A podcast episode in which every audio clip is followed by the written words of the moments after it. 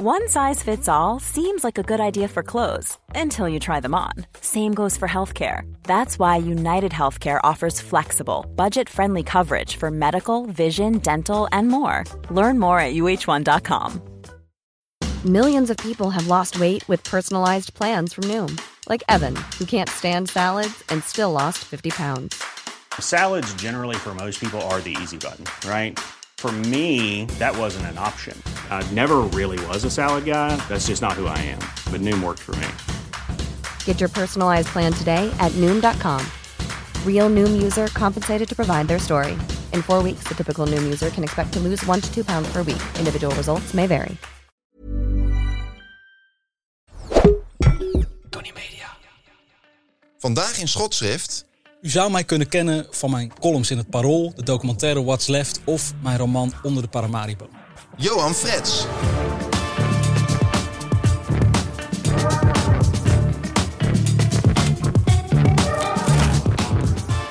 U verwacht het misschien niet van deze woke, knetterlinkse millennial van kleur, maar dit is een oproep om af te rekenen met de diversiteitscultus. Het is mooi geweest. En zelfs dat is nog maar de vraag of het ooit mooi was. Dit oppervlakkige paradepaardje van de zichzelf feliciterende gemeenschap. die na jaren hun hoofd in hun achterste te hebben gestoken. plotseling heel matig stonden te acteren dat ze het inclusieve licht hadden gezien.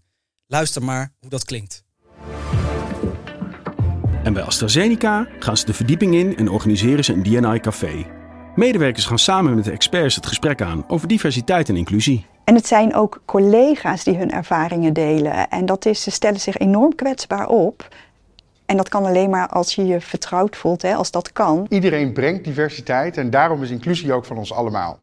Precies, diversiteit, dat zijn we allemaal. We are the world. Inmiddels maakt het ook niet meer uit in welke volgorde je de woorden zet. Begin maar gewoon. Inclusie, diversiteit, allemaal, wij, kwetsbaar, zijn. Het boeit niet. Je bent goed bezig. Ja, maak een buiging voor al die witte progressieven met hun werkvloeren en omgevingen witter dan de Noordpool. En de enige allochtoon die ze kennen is de schoonmaker, die ze zwart betalen. Maar ze willen echt veranderen. En daarom huren ze consultants in voor honderden euro's per uur. En die leren ze hoe dat moet. Vrouwen, zwarte en bruine mensen vinden. Diversiteit en inclusie, roepen de McKinsey-types. Diversiteit alleen is niet genoeg. Verscheidenheid is leuk, maar je moet iedereen ook nadrukkelijk welkom heten in je gulle hartje. Dus, repeat after me, diversiteit en inclusie. Die twee woorden horen bij elkaar. Als Dolce en Gabbana, als Victor en Rolf, als Sander Schimmelpennik en Talita Muse. Het is net als met een virus. Ergens door een noodlottige mutatie is de terminologie ontstaan. Er was een patiënt X, ergens in een lab, vermoedelijk niet in Wuhan, maar in Almere Muziekwijk. Vervolgens is het in de euforie op iemand overgesprongen en toen weer op iemand anders. En nu zit het R-getal ver boven de 100. Inmiddels horen en lezen we het overal. We worden ermee doodgegooid. Diversiteit en inclusie op dat zalvende toontje van de Jehovah-getuigen. Bij de gemeente, bij het klantvriendelijkheidsonderzoek van de crash, bij het postkantoor, bij de cultuurinstelling tot het crematorium. Ja, zelfs daar, zelfs tot wij tot as zijn wedergekeerd, klinkt het luid en duidelijk. Diversiteit en inclusie. Iedereen moet meedoen. Iedereen mag meedoen, helaas. Het duurt wel nog eventjes. Diversiteit in Nederland, dat is anno 2022 een film uitbrengen Zoals de Tata's, waar witte mensen gaan inburgeren in de Belmer. En als iedereen uit de Belmer zegt dat dat hartstikke toondoof is, dan verplaatsen ze het verhaal gewoon naar een andere plek waar andere allochtonen alsnog heel inclusief en divers een parodie op zichzelf mogen spelen. Diversiteit in Nederland, dat is Jort Kelder die het nationale debat over racisme presenteert. Want denk je aan een deskundige op het gebied van racisme, dan denk je aan Jort Kelder. Jort Kelder, dat is Nelson Mandela met Bretels diversiteit in Nederland, dat is jij mag er zijn. Ik weet niet hoe je je naam schrijft, maar ik ben een aardig mens, dus doe mee. Maar liever niet te veel, wel een beetje achter in de bus graag, want je hebt een grote bek en ik heb niks tegen Surinamers. Ik ben deze zomer nog op Aruba geweest. Dat is die hardloper toch leuk? Die Turandi Martina, ja, waren ze allemaal maar zo. Zo vrolijk, zo zonder dat gezeik, want ik zie geen kleur, ik zie personen. Ik ben kleurenblind. En wist jij dat de slavernij in Afrika is begonnen en bij de overheid? En welkom bij Ongehoord Nederland. De reptielen zijn bezig ons om om te volken. En dat mogen wij gewoon gewoon zeggen op de publieke omroep, want ook wij zijn diversiteit en inclusie. Diversiteit in Nederland, dat is Joris Luijendijk, die zich op de werkvloer van een topbaan in Londen realiseert dat hij bevoorrecht is. Een beetje laat, misschien, oké, maar toch, nobel. Er zijn mensen die een hekel hebben aan Joris Luijendijk, maar ik ben niet een van die mensen. Het is Joris Luijendijk gelukt om zelfs op middelbare leeftijd dat jongetje te blijven dat nieuwsgierig en verwonderd door de wereld loopt. Dat is weinige gegeven. Hij schreef een boek over zijn zeven vinkjes, heel reflectief, bescheiden, introspectief. Maar toen kwam Buitenhof en toen bleek niet iedereen blij. Zo zijn zij gewoon. En dat mijn uitgever ook zei van, van damn, weet je, ik moet mijn, uit, ik moet mijn auteurs gaan waarschuwen voor Buitenhof. Uh, dus ja, ik wil mezelf nooit naïviteit verwijten. Omdat naïviteit komt voort uit de aanname dat andere mensen uh, een soort basale fatsoensnormen hebben. En ik wil niet iemand worden die zegt, ja, dan, als je daarvan uitgaat, is echt belachelijk. Want mijn ervaring is dat de meeste mensen hebben basale fatsoensnormen. Dus uh, ja, het was een soort perfecte storm. Uh, waarin ik op een haar na ten onder ging. En ik was er denk ik ook mee gestopt. Ik had gewoon gedacht van oké, mannen zoals ik worden opgeroepen om aan zelfreflectie te doen, om zich uit te spreken en daarna hun privileges te gebruiken om ze te ontmantelen. Dat heb ik geprobeerd. Ik word neergeschopt. Goed, dan ga ik nu wat anders doen. Ja, ach, dat is pijnlijk. Hè? Even een beetje tegenwind. Even streng worden toegesproken door de enige zwarte partijleider van Nederland. Die al jaren de hele dag wordt bedolven onder vuig racisme, bedreiging en vrouwenhaat. En Joris Luijendijk doet meteen alsof hij is gewaterboard op Guantanamo Bay. Geknakt, verloren. Hij wilde het al opgeven, zegt hij. Maar gelukkig kreeg hij ook heel veel steun. En nu reist hij door het land om lezingen te geven. Laten wij dit maar zien als een soort herstelbetalingen voor het leed dat Joris en zijn voorvaderen hebben geleden. Laatst las ik hoe Jeannette Chedda, een zwarte vrouwelijke ondernemer met een beperking, was afgezegd voor een lezing over diversiteit. In plaats daarvan had de organisatie Joris Luijendijk geboekt. Die mag nu aan die zaal gaan uitleggen dat mannen als Joris Luijendijk te veel ruimte innemen. En het publiek zal instemmend knikken. En Jeannette Chedda, ja, haar beurt komt wel een andere keer. Want diversiteit en inclusie, hè, dat kost eventjes tijd. Vergeet de Bhagwan, vergeet moederhart. Dit is het nieuwe evangelie. Diversity is our strength. Dus als een vrouwelijke fascist premier van Italië wordt, dan zegt Hillary Clinton... Io non so molto di lei, però posso dire una cosa. Penso che ogni volta che una donna viene eletta come capo di Stato... Cap ja, tida, tutto bene, tutto bene. En dan zegt ze, ik vertaal het wel weer even terug, wat geweldig. Een vrouw, een girlboss. Yes, slay queen. Ja, straks marcheren de fascisten door de straten met fakkels, maar dan kunnen we in ieder geval zeggen, the future is female, still with her. Diversiteit, dat bevrijdt. En oké, okay, over tien jaar werken er nog steeds maar vier op de honderd mensen van kleur op die super inclusieve werkvloeren. Want we doen zo ons best. Maar zoals ik al zei, het kost even tijd. Terwijl Amerika, Engeland en Frankrijk, in al die landen de sluizen al lang zijn opengegaan. En je overal waar je kijkt, zonder al dat poldergelul, een veelkleurige renaissance ziet. In kunst, politiek, bedrijfsleven en wetenschap praten wij hier liever nog even door. Een commissietje hier, een commissietje daar. Alsof er een soort exotische amoebes uit de prairie moeten worden gehaald de diversiteitscultus. Dat is met goede bedoelingen eeuwig blijven stilstaan. Dat is big get-out energy. Kleinerend, patronizing, tokenizing, betuttelracisme van het ergste soort. Het is simpel. In zekere zin hebben de mensen die roepen dat het niet moet gaan over kleur of gender, maar om kwaliteit, groot gelijk. Niemand wil een token zijn. Een pity hire, een excuustrofee, een divi-bokaal mens. Inderdaad zou het om kwaliteit moeten gaan. En als dat zo zou zijn, dan hadden we al die proleterige secteleiders van de diversiteitscultus helemaal niet nodig. Dan zouden de werkvoeren al lang niet zo spierwit, mannelijk Hans-Peter Ronald zijn, maar meer zoals Patta, Topnotch, Daily Paper. Nee, dan zou de diversiteit je niet eens meer opvallen, omdat die zo vanzelfsprekend was.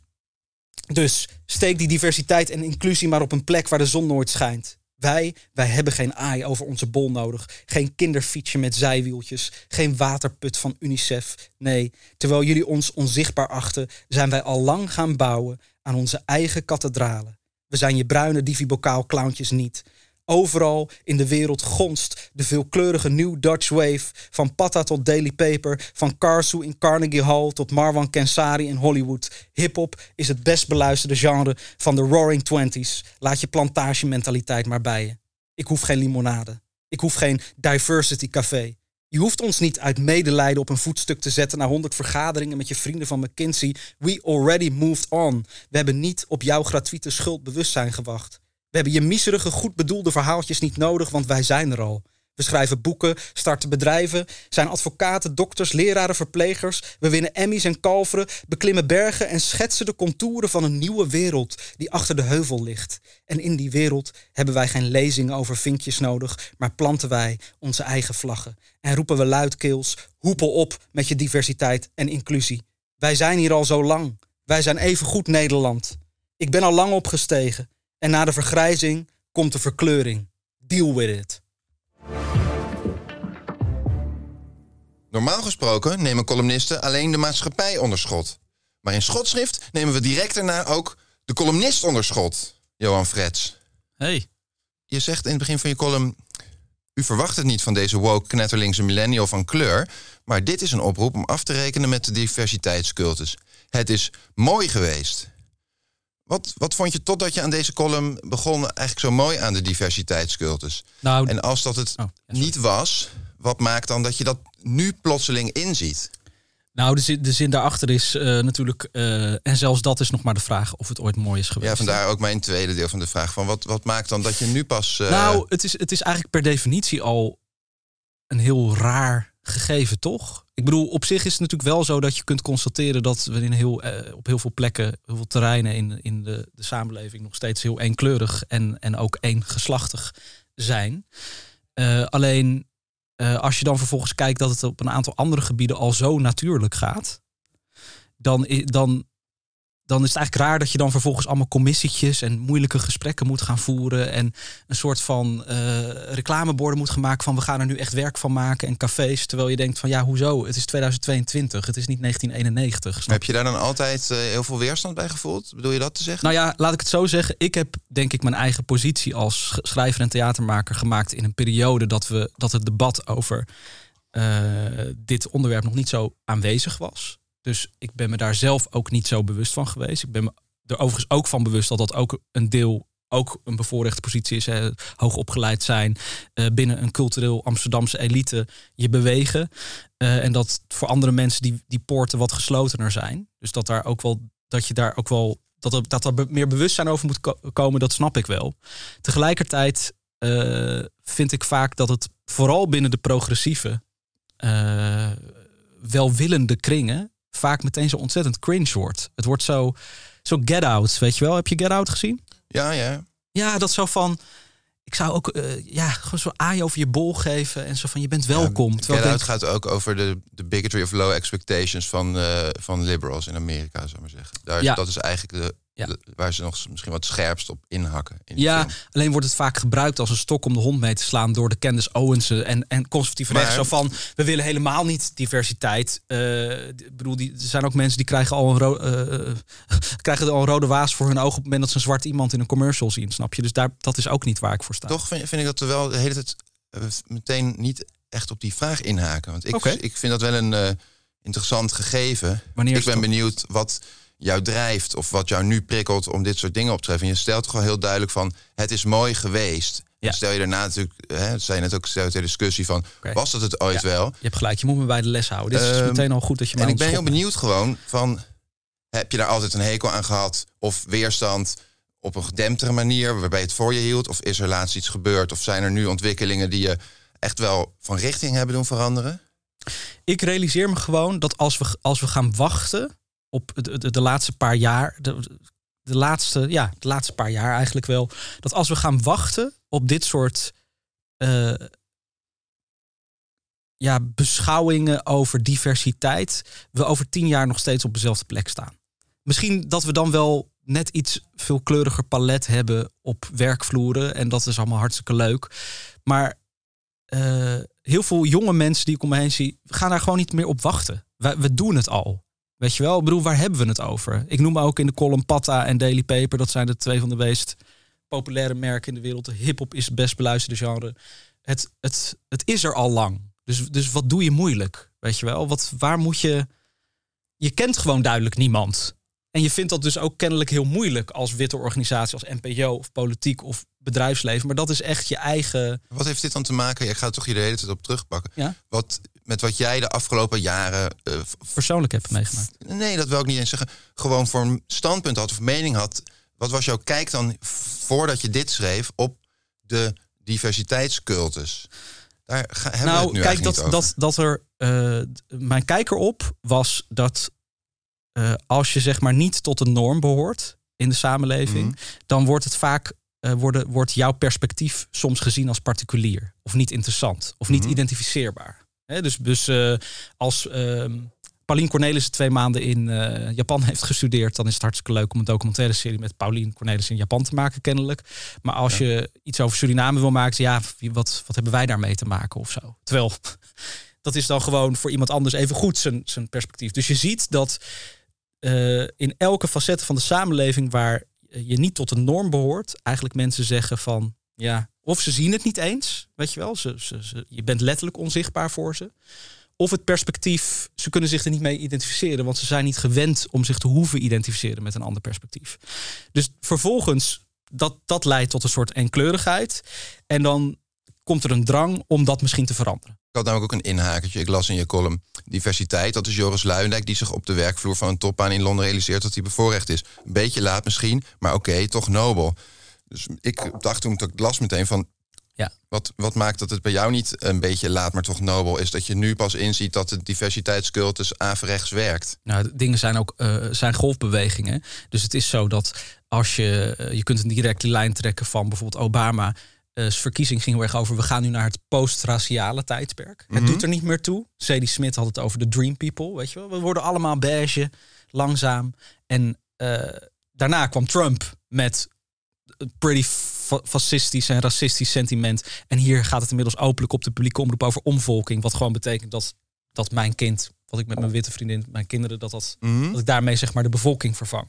Dus is het logisch dat in die tijd van de afgelopen jaren, waarin dat thema dus blijkt nog springlevend te zijn, dat dat gif van racisme en raszu- raszuiver denken, en tegelijkertijd een soort ja, eenkleurigheid, dat dat thema op de kaart wordt gezet. Hoe, hoe kunnen we dat veranderen?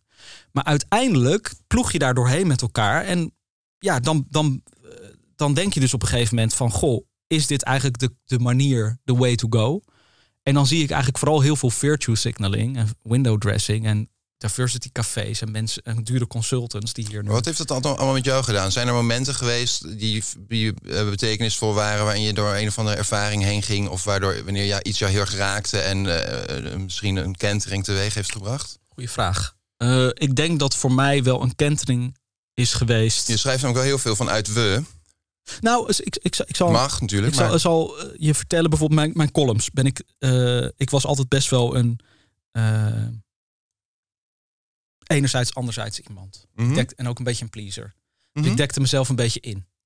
En dus ik wilde wel soms iets radicaals zeggen, maar dan, dan moest ik het ook altijd nog even nuanceren. Want iedereen moest aan boord blijven. Een beetje uit dat, dat gevoel van, van het Obama-tijdperk. Ja. There's not a left wing, there's not a right way, we have to do it together, weet je wel.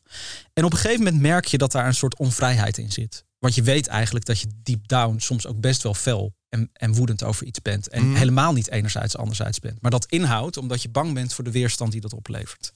Nou, voor mij heeft het, het toen ik vader werd in 2019 van mijn zoon. En toen kwam de coronapandemie, wat ook een soort rare kokon van bezinning was. En toen kwam dat Black Lives Matter protest op de Mhm. Dam. En dat heb ik toen met mijn baby, op mijn armen, toen zitten kijken op de livestream.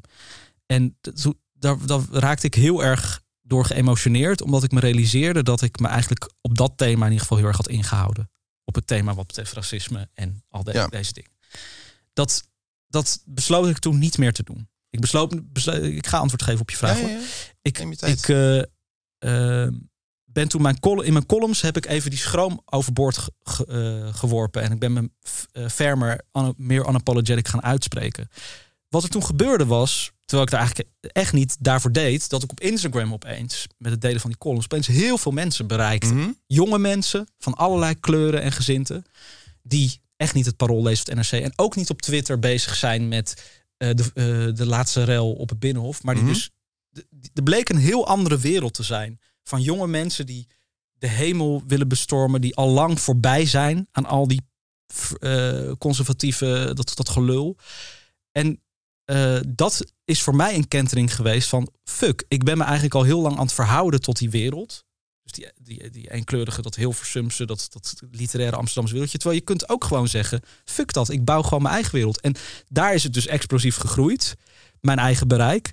Eh, niet vanuit dus niet vanuit dus denken aan het moet diverser worden of ik ga eh, ik ga nu heel veel jonge mensen bereiken van kleur. Nee, het is gewoon ge- het is gewoon. Eigenlijk, mag ik dan zeggen, eigenlijk omschrijf je jezelf als authentieker nu. Ja, het is ook een beetje een, een kutwoord geworden. Maar ik denk ja, wel dat... ik, daarom zeg ik het. Maar eh, Ja. want dat, mag ik het zo vertalen? Want je zegt Ja, eigenlijk nou van ik uit, Ja. authentieker Vrijer. wat ik ervaar. En blijkbaar maakt dat dus meer los dan als ik berekenend te werk ga. Zeker. Ik denk dat het, dat het een, vorm, eh, dat een vorm van vrijheid is. Ik wil nog even naar een ander dingetje kijken. Je schrijft ook, eh, terwijl Amerika, Engeland, Frankrijk de sluizen al lang open zijn gegaan. En overal waar je kijkt is er een veelkleurige renaissance, et cetera. Ik moest denken, het is ook wel zo dat in al die landen die je noemt, extreem rechts een gigantische opmars heeft eh, gemaakt de laatste eh, jaren. En echt wel significant. Wat, wat maakt nou in jouw ogen dat het eh, daar dan toch ook zo goed gaat? Het, het heeft in, in sommige opzichten ook heel erg te maken met massa. Dus als je naar Amerika kijkt, dan is bijvoorbeeld 30, 40 procent non-white population. Dus dat betekent dat ook de hele black culture in de literatuur, in de muziek, in de kunst, in de, en ook in de politiek, al een, een veel grotere volume heeft. Dus zelfs als je als bedrijf of als omroep of, of commerciële instelling niet, niet zo nobel bent, wat vaak ook waar vaak betere dingen uit voortkomen. Daarom is RTL vaak ook verder dan de NPO als het gaat om diversiteit. Eh, dat je moet wel, want het zijn gewoon je, het zijn gewoon je klanten. Het zijn gewoon, dat is gewoon, dat is de samenleving nu. Dit klinkt Dus- niet heel progressief. Eigenlijk zeg je van kapitalisme, is toch wel lachen. Nee, nou ja, kijk, wat, wat ik zeg is dat eh, als je het gevoel hebt dat je het moet doen uit een soort eh, nobelheid, in plaats van dat het gewoon een, dat het gewoon is, iets is, een natuurlijk gegeven dat de samenleving veelkleurig is en dat het dus vanzelf ook veelkleuriger zich uit, dan is dat soms effectiever dan dat je er heel erg vanuit een soort ontwikkelingssamenwerking-achtige mentaliteit naar kijkt. En dat, dat is het eigenlijk. Ik verzet me hiermee eigenlijk tegen een soort ontwikkelingssamenwerking-achtige mentaliteit van we gaan een waterput brengen in, in Botswana. Terwijl, nee man, we, we wonen hier gewoon. We hebben je waterput niet nodig. We, we, willen, we, we doen gewoon mee. Eh, en dat zie je in Amerika dus wel meer. In Frankrijk denk ik dat het ook heel erg te maken heeft met dat, hoewel er natuurlijk ook daar heel veel racisme en extreem rechts is, er, er veel meer een idee is van een Franse identiteit die niet vasthangt aan klompen en reactieve eh, tra- tra- eh, maar wel van je bent Frans. Eh, die waarden, weet je wel, broederschap, vrijheid, gelijkheid, dat, dat zit daar. d- er zit in zekere zin kun je in Frankrijk denk ik meer, of in Amerika ook. Engeland is alweer iets anders, want het is heel erg een klassensamenleving. Maar eh, is, is de identiteit minder vaststaand? We zijn, best, wij zijn best conservatief daarin, denk ik. Ik vind een van de grootste tragedies van de afgelopen twintig jaar... dat toen Fortuyn opkwam, wat je er verder ook van vindt... dat was iemand die zei... eh, als je meedoet, de taal spreekt... en gewoon meedoet aan deze samenleving... dan hoor je er gewoon bij. Dat was, en dat, werd ook, dat was werd ook heel vaak gezegd in die tijd. Nu zie je eigenlijk dat mensen zich roeren.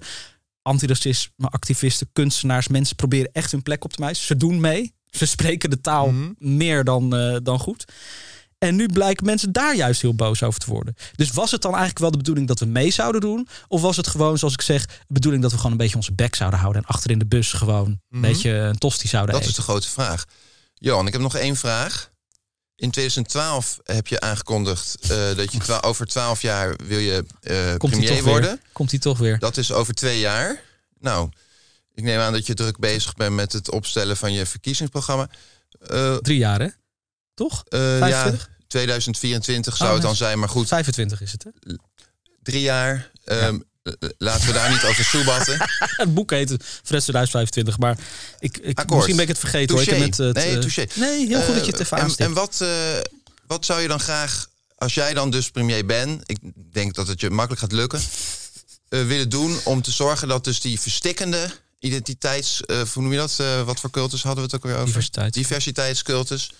Dat die toch een beetje minder verstikkend wordt. Ik denk just eh, put your money where your mouth is, toch? Ik bedoel, alleen nog. Ik ga het Dat lijkt me een ik- heerlijke wet. Ik, ik, ja, heel, heel kapitalistisch, sociaal-democratisch. Put your money where your mouth is. Nee, Ja. het, het gaat er denk ik om dat je alleen al als je. eh, ja, ik ga dat dus niet doen, hè. Laten we dat duidelijk eh, stellen. Ik ga niet voor, eh, voor het torentje.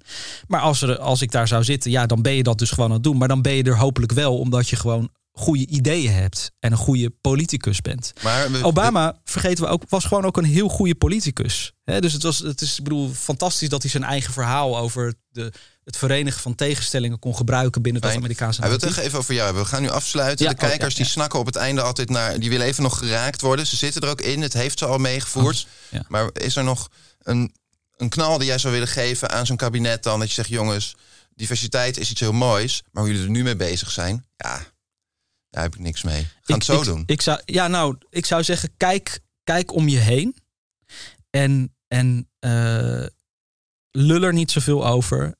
Eh, doe gewoon wat beter je best. Op dat een, is in de politiek sowieso wel een, een, een geestige invalshoek. Lul er niet zoveel over. Ja, ja. Wordt misschien wel lastig om dan tot iets te Nou ja, we zijn, maar- we, we zijn, we- mijn vader zegt ook, zegt ook vaak van als we hier een kernoorlog zouden hebben, dan zouden we eerst een commissie gaan hebben, waarschijnlijk onder leiding van Johan Remkes, die zal gaan onderzoeken eh, wat voor gevolgen dat heeft voor de koopkracht in eh, 2024, die Ja. kernoorlog. In plaats van gewoon in actie komen. En dat zie je dus ook hierbij. Het is heel veel lullen op een zalvende soort, eigenlijk een soort get-out-achtige manier, die mij eigenlijk heel veel meer cringe gevoelens geeft dan wanneer we gewoon zouden zeggen. Ik vind, ik bedoel, niet per se. Kijk daar zo uit, vind ik. Ja, sorry, maar als je zegt van we moeten minder lullen... voor iemand met jouw beroep, zou voor mij ook gelden... is dat natuurlijk ook wat tricky. Ja, dat is, daar heb je ook op zich wel gelijk in. Alleen wij zitten verdienmodel we- natuurlijk wel een beetje... Ja, het verdienmodel vind ik ook al een kutwoord. Maar het gaat, kijk. eh, Je hebt je- kinderen, man. Er moet een verdienmodel Ja, zijn. nee, maar laten we. Laten we eh, kijk, als ik Eduard Louis lees, dat is heel veel woorden, maar dat is niet per se gelul. Dat is gewoon zijn vak. Hij is een kunstenaar. Dus je, je vertelt een verhaal. Daardoor denken we bijvoorbeeld in het geval van Eduard Louis na over klassen. Mhm. En dan hoop ik dat Eduard of eh, Emmanuel Macron, Macron Mhm. Dan daar dus wat mee doet. Snap je? zegt eigenlijk, praat niet alleen heel veel, zeg ook echt iets. En dat Nou heb ja, jij nu ook met je kom column gedaan. Je bent heel, heb je zelf verteld, heel lang was je gewoon een beetje het midden aan het opzoeken en wilde je wellicht verbinden. En nu denk je van, ik durf ook wel even te chargeren en het gestrekte been. En eh, dan doe ik maar een heel per een keer één iemand pijn. Het zij zo. Ja, en ook, dat, daar wil ik tot, tot, tot nog één ding zeggen. Het is ook, mensen zeggen vaak, en dan vooral in de races radicaal rechtse hoek, dat mensen zo in de slachtofferrol kruipen. En zo graag een soort excuusachtige plek willen. Nee, dat willen we dus helemaal niet. Heel veel mensen. We willen gewoon, we doen, we doen al mee. We zijn je slachtoffer niet. Eh, we, willen, we zijn gelijkwaardig en we hoeven dat ook niet meer te bevechten. Nee. Dus dat. Johan, Dankjewel. hartstikke bedankt. Vond het een mooi gesprek. En er is me heel veel meer duidelijk geworden. En wat heb je het allemaal heerlijk genuanceerd. Ik heb het weer kapot genuanceerd. Nee, dat, dat zijn Oh. jouw woorden. Gelukkig.